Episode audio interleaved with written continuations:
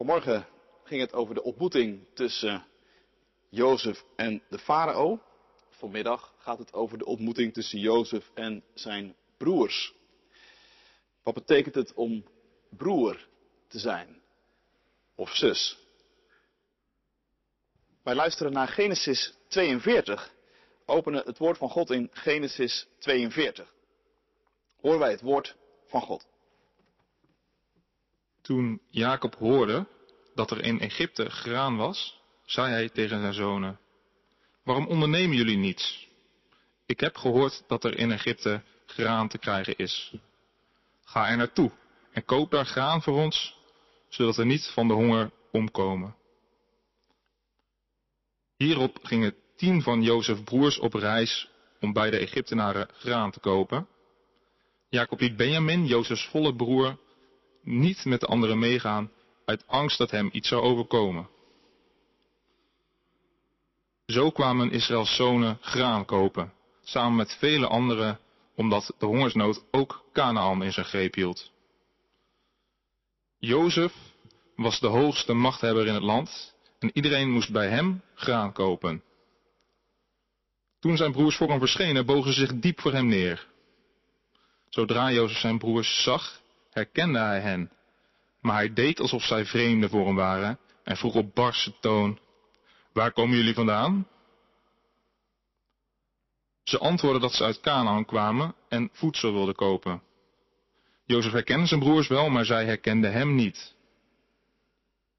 Hij herinnerde zich wat hij over hen had gedroomd en zei tegen hen, Jullie zijn spionnen. Jullie zijn hier gekomen om te kijken wat de zwakke plekken van het land zijn. Nee, heer, antwoordden ze. Uw dienaren zijn hier alleen maar gekomen om voedsel te kopen. Wij zijn allemaal zonen van dezelfde man. Wij zijn eerlijke mensen. Wij zijn nooit spionnen geweest. Dat is niet waar, doet Jozef vol. Jullie zijn hier gekomen om te zien waar het land kwetsbaar is. Ze zeiden nog eens. Uw dienaren zijn met z'n twaalfen, wij zijn broers, zonen van dezelfde man uit Canaan. De jongste is op dit moment bij onze vader en één is er niet meer. Maar Jozef zei, ik blijf erbij dat jullie spionnen zijn. We zullen de proef op de som nemen. Jullie gaan er niet vandaan tenzij jullie, tenzij jullie jongste broer hierheen komt, zo waar de farao leeft. Stuur één van jullie terug om hem te halen. De rest blijft hier gevangen totdat het bewijs is geleverd dat jullie de waarheid spreken. Anders zijn jullie spionnen, zo waar Farao leeft. Daarna hield hij hen drie dagen in hechtenis. De derde dag zei hij tegen hen, als jullie in leven willen blijven, doe dan wat ik zeg, want ik heb ontzag voor God. Als jullie werkelijk eerlijke mensen zijn, moet een van jullie hier gevangen blijven. De rest gaat naar huis met graan om de honger van jullie gezinnen te stillen. En breng me dan je jongste broer om te wijzen, bewijzen dat jullie de waarheid hebben gesproken, dan wordt niemand van jullie ter dood gebracht. Ze stemden toe en zeiden tegen elkaar, dit is onze straf, omdat we ons niets hebben aangetrokken van de smeekbeden van onze broer, terwijl we toch zagen dat hij doodsbenauwd was. Daarom zitten we nu in de ellende. Ruben zei, heb ik jullie dan niet gezegd dat je je niet aan die jongen moest vergrijpen? Maar jullie wilden niet luisteren. Nu wordt ons zijn dood betaald gezet. Ze wisten niet dat Jozef hen verstond, want hij maakte gebruik van een tolk. Jozef liep bij hen vandaan, omdat hij zijn tranen niet kon bedwingen. Toen hij terugkwam, sprak hij nog kort met hen. Toen koos hij Simeon uit en liet die voor hun ogen in de boeien slaan. Daarna gaf Jozef zijn dienaren het bevel om de manden van de mannen met graan te vullen, in ieders voerzak het geld terug te leggen en hun proviand mee te geven voor onderweg. Zo gebeurde het. De broers laden het graan op hun ezels en vertrokken. Toen ze aan het eind van de dag halt hielden, maakte een van hen zijn zak open om zijn ezel voer te geven. Daar lag zijn geld, boven in de zak. Ze hebben mijn geld teruggegeven, zei hij tegen zijn broers. Kijk maar hier, in mijn voerzak. De moed zonk hun in de schoenen en ze keken elkaar verschrikt aan. Waarom doet God ons dit aan? zeiden ze. Weer terug bij hun vader Jacob in Canaan vertelden ze hem alles wat ze hadden meegemaakt. De man die het in het land voor het zeggen heeft, sprak ons bars toe en hield ons voor spionnen. We zeiden hem dat we eerlijke mensen waren en dat we nooit spionnen zijn geweest. En ook dat we met z'n twaalfen waren. Twaalf broers, allemaal zonen van dezelfde vader, maar dat één er niet meer was en dat de jongste bij u was, in Canaan. Toen zei die man, bewijs me dat jullie eerlijke mensen zijn. Laat één van jullie bij me achter, ga naar huis, neem mee wat je nodig hebt om de honger van jullie gezinnen te stillen en kom daarna bij me terug met jullie jongste broer. Dan weet ik zeker dat jullie geen spionnen zijn, maar eerlijke mensen en dan geef ik jullie je broer terug en dan kun je in dit land gaan, staan, uh, gaan en staan waar je wilt. Toen de broers hiernaar hun zakken wilden leegmaken, ontdekte ieder van hen dat zijn geldbuidel erin lag. De schrik sloeg hen om het hart. Ook een vader werd bang. Jullie maken mij kinderloos, verweet hij hun. Jozef is er niet meer, Simon is er niet meer en nu willen jullie ook Benjamin nog bij me weghalen. Niets blijft me bespaard. Ruben zei tegen zijn vader, u mag allebei mijn zonen doden als ik hem niet bij u terugbreng. Vertrouw hem mij toe, ik breng hem bij u terug.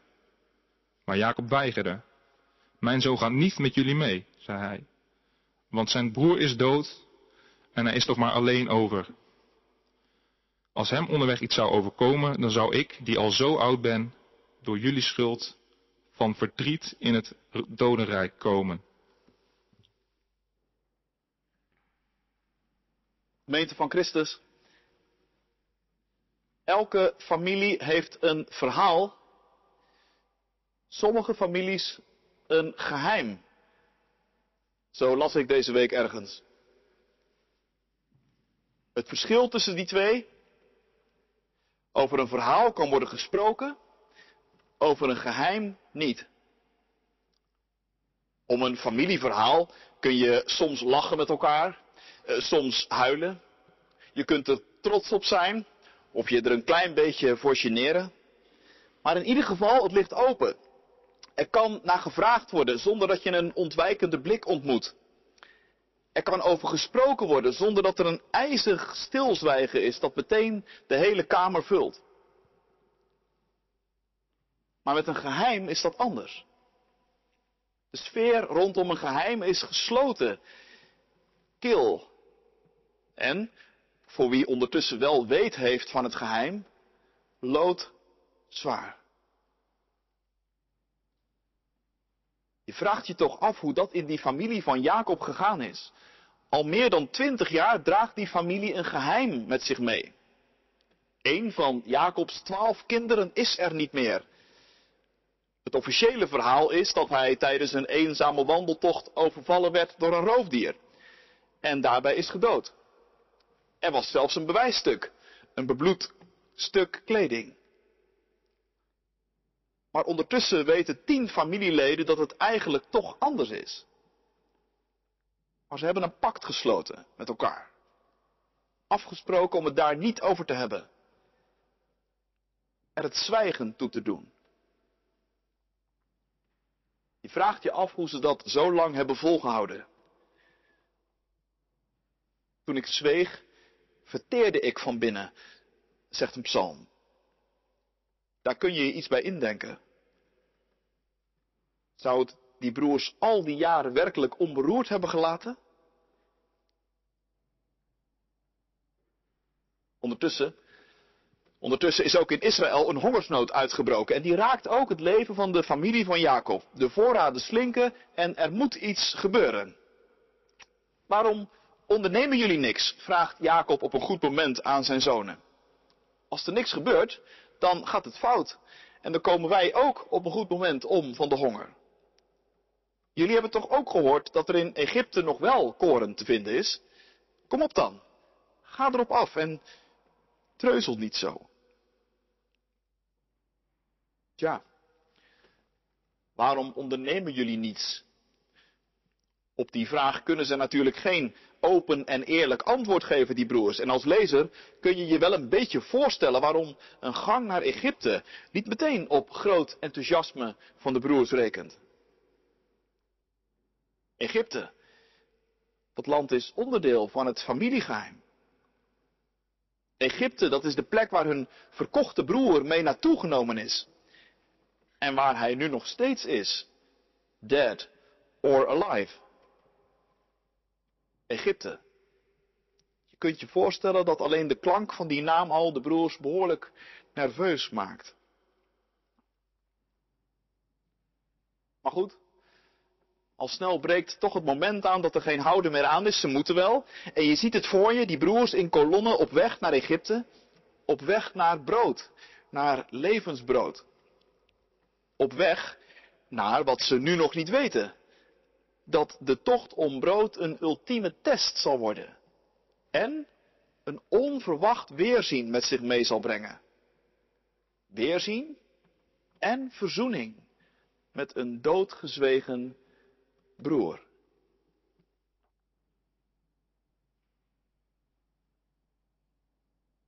Vanmiddag luisteren wij naar deze geschiedenis in een dienst waarin we ook het avondmaal vieren.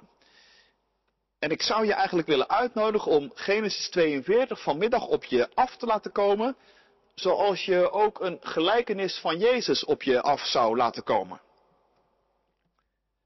He, gelijkenissen van Jezus, die, die beluisteren wij vrij automatisch als, als spiegels om in te kijken. Al die verschillende bewegingen, personen, momenten, onderdelen. Je probeert ze eigenlijk vrij automatisch toe te passen op je eigen leven. Want dat is tenslotte de bedoeling van een gelijkenis. Met een geschiedenis als deze ben je misschien geneigd om dat minder snel te doen. Maar ik zou willen voorstellen dat we dat toch proberen. Genesis 42 lezen als een gelijkenis. En de weg die de broers van Jozef gaan te volgen alsof je in een spiegel kijkt. Alsof jouw weg een soort echo is van hun weg. Want ook wij, ook wij zijn vandaag in beweging gekomen door voor brood. Brood aan de tafel van Christus. Levensbrood. Misschien dat je nog even aarzelde, net als de zonen van Jacob, zal ik wel, zal ik niet. Maar als je inderdaad gekomen bent, dan had je het blijkbaar nodig om gevoed te worden met de tekens van brood en wijn. En gelijk heb je. De tafel van Christus is de plek waar hij je heel kernachtig met je neus op de feiten drukt. Waar hij je laat zien en proeven dat hij zijn allereigenste leven, zijn lichaam en bloed voor je heeft gegeven. Zoals het brood wordt gebroken en de wijn wordt vergoten. En dat dat zo zeker is, ook voor jou. Als je het brood en de wijn op je tong hebt geproefd. Maar zou je je ook kunnen voorstellen dat het avondmaal nog meer zou kunnen impliceren? Dat het avondmaal een soort van onverwachte nasleep zou kunnen hebben. Net zoals die gang om brood voor de zonen van Jacob een onverwachte nasleep had. Ja, want die mannen kwamen natuurlijk gewoon voor brood. Of in ieder geval voor koren, de grondstof voor brood. En dat deze gang een ultieme test zou gaan worden. En dat ze er als totaal andere mensen uit zouden komen dan ze erin gingen. Dat had natuurlijk niemand voorzien. komend voor voedsel moeten ze ook een test ondergaan. En de vraag onder ogen zien wie ze werkelijk zijn. Spionnen. Dat is het oordeel van Jozef als ze hem onder ogen komen. Jullie zijn spionnen met slechte bedoelingen. Insluipers die de zwakke plekken van ons land proberen in kaart te brengen. En de beschuldiging van Jozef, hij leidt ertoe dat de broers met de feiten op tafel moeten komen. Want als ze dan geen spionnen zijn, wie zijn ze dan wel? En hoe maak je dat aannemelijk? We zijn broers, zeggen ze tegen Jozef. Ik weet niet of het je opviel tijdens de lezing, maar het woord broer of broers is verreweg het meest voorkomende woord in dit hoofdstuk. Ruim twintig keer. Heel het hoofdstuk draait eigenlijk om de vraag wat het betekent om broer te zijn. Want zeggen dat je broer bent is één, maar leven als broers, dat is nog wat anders. En Jozef weet dat natuurlijk als geen ander. als de doodgezwegen en doodgewaande broer staat hij nu in levende lijven voor hen. En ze hebben het nog niet door. En je vraagt je af hoe dat zinnetje, wij zijn broers, hoe dat geklonken moet hebben in zijn oren. En zeker dat getal erbij, twaalf. Twaalf zonen van één vader. Dat moet toch wel als een, als een pijnscheut door zijn hart gegaan zijn. Net als dat zinnetje, één is er niet meer. En het is eigenlijk ook heel fascinerend om te zien hoe, hoe Jozef dat, dat broer zijn gebruikt om zijn broers te testen. Oké, zegt hij. Nog één broer thuis? Nou, dat wil ik dan wel eens zien. Ga maar halen.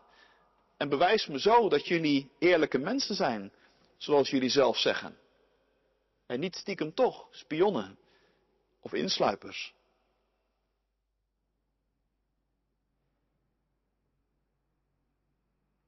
Zo wordt een tocht om brood een vraag naar wat het betekent om broer te zijn.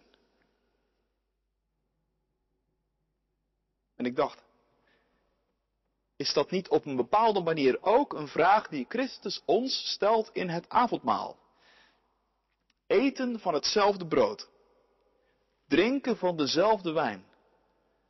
Dat is in het avondmaal van hele grote betekenis.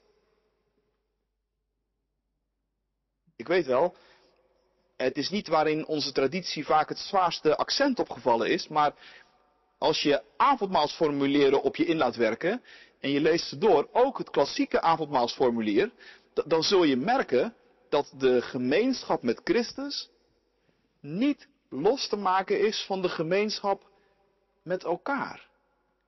En dat daar ook behoorlijk wat woorden aan worden gewijd. De grond daarvoor, dat is het woord van Paulus.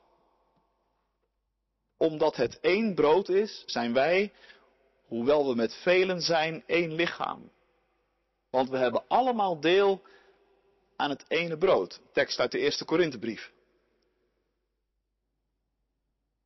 het klassieke avondmaalsformulier werkt dat prachtig beeldend uit. Je kent misschien die zinnen over de, de vele graankorrels die samen één meel vormen, waaruit één brood gebakken wordt. En de vele druiven waaruit één wijn vloeit. Je ziet het helemaal voor je. En dan de conclusie die daaruit wordt getrokken. Net zo, net als die vele graankorrels en die vele druiven, Net zo zullen wij, door Christus in het geloof ingelijfd, door broederlijke liefde, om Jezus wil, samen één lichaam zijn. En dat niet alleen met woorden, maar ook met daden aan elkaar bewijzen. Broederlijke liefde, daar heb je het.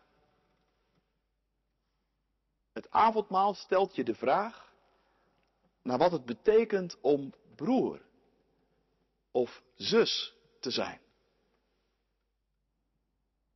Eten van het ene brood en drinken van de ene wijn, dat is verbonden worden met Christus, maar ook met elkaar. Je krijgt het brood gratis en voor niets. Net als de broers van Jozef die straks het geld dat ze betaald hebben terugvinden in hun zakken. Want aan de tafel van Christus is het de genade die de dienst uitmaakt. Wij komen met lege handen, En we hoeven ook niks mee te brengen. Maar de genade is niet goedkoop. En daarom de vraag van Christus. Wat betekent het voor jou, die vandaag de tekens van mijn genade hebt ontvangen? Wat betekent het voor jou om broer of zus te zijn? Zijn er op deze avondmaalszondag misschien ook broers en zussen die gemist worden? Wij zijn met twaalf, zeiden de broers, twaalf zonen van één vader. Maar toen ze dat zeiden, waren ze maar met tien. Eén thuis, één zoek. Een familiegeheim, waar moeilijk over te praten is. Ik zat te denken dat het op een avondmaalzondag toch vaak wat minder druk is in de kerk. Is dat misschien niet ook een van onze familiegeheimen eigenlijk? Misschien valt het je op. Of valt het je niet eens meer op en ben je er gewoon aan gewend geraakt? Je raakt het toch iedere keer wel weer. Avondmaal vieren geeft mij altijd een hele diepe vreugde. Maar er zit ook altijd iets bij van pijn en gemis. Het gevoel niet compleet te zijn. Geldt natuurlijk ook voor de andere zondagen. Niet alleen op de avondmaalszondagen, maar je hebt van die momenten, dan komt dat ineens naar je toe. Maar als ik me niet vergis, hebben we het er eigenlijk nooit over met elkaar. Daarom de vraag, wie mis jij vandaag? Wie zit er thuis? Wie mis jij misschien al veel langere tijd? Wie mis je al zo lang dat het je eigenlijk niet meer opvalt? En hoe kun jij antwoord geven op de roep van Christus? Om voor die persoon. Het hoeft er maar één te zijn. Een broer te zijn. Of een zus.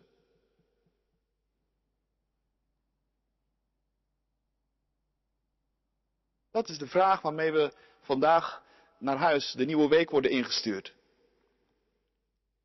Zoals de broers van Jozef naar huis werden gestuurd. En het mooie van dit hoofdstuk is dat er op die weg naar huis eigenlijk twee dingen gebeuren.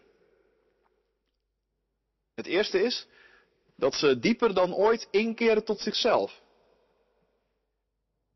En het tweede is dat ze meer dan ooit onverwachte genade op het spoor komen. We hebben ons niks aangetrokken van de smeekbeden van onze broer, zeggen ze tegen elkaar. Dat is het zelfinzicht. dat misschien wel voor het eerst in twintig jaar echt tot hen doordringt. We hadden wel een broer, maar we deden alsof we hem niet hadden. We stopten onze oren dicht voor wat hij ons te zeggen had.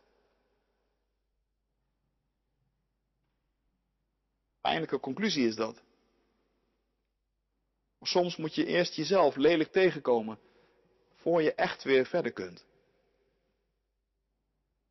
Dat is wat hier met de broers gebeurt. Hun afdalen naar Egypte, het wordt ook een, een afdalen in hun eigen verhaal, in hun eigen verleden, in hun eigen hart. Ze hebben niet alleen brood nodig. God wil hen meer geven. Ze moeten ook leren wat het betekent om broer te zijn.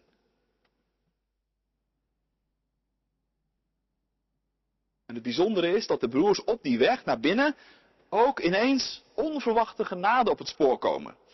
Want als ze hun graanzakken openen, dan zien ze inderdaad bovenop het geld liggen. Dat ze er aanvankelijk voor hadden betaald. Zij die ooit hun broer verkochten voor geld, krijgen nu van diezelfde broer het geld terug.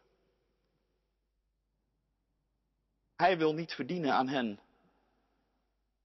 zoals zij ooit wel verdienden aan hem. Dat is genade. Kun je je voorstellen dat genade soms ook heel ongemakkelijk voelt?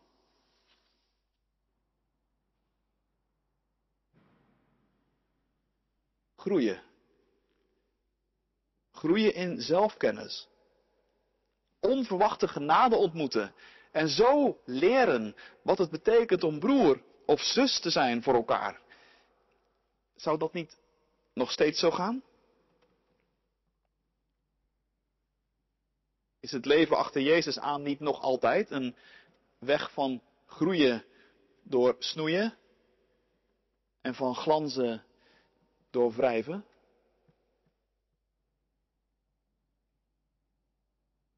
Ik heb me niks aangetrokken van de smeekbeden van mijn broer of zus, van mijn buurman of buurvrouw, van mijn vriend of mijn collega. Dat zijn woorden die kunnen zomaar als een boemerang op je terugkeren. Maar op die weg van jezelf tegenkomen, belooft God je ook onverwachte genade. Net als bij de broers van Jozef. Dat kan soms heel ongemakkelijk voelen. Want genade heeft iets heel ongemakkelijks. Het liefst kopen wij de dingen af natuurlijk. dan weet je tenminste waar je aan toe bent. En dan ben je ook zelf tenminste nog een beetje aan zet. Maar genade zet daar een streep door. Op het koren in je zak vind je het geld dat je had willen betalen. Daarmee zegt God tegen je, niet alles is voor geld te koop. Hier in de kerk, dicht bij de tafel van Christus, leer je wat het betekent om te leven van mijn onverwachte genade.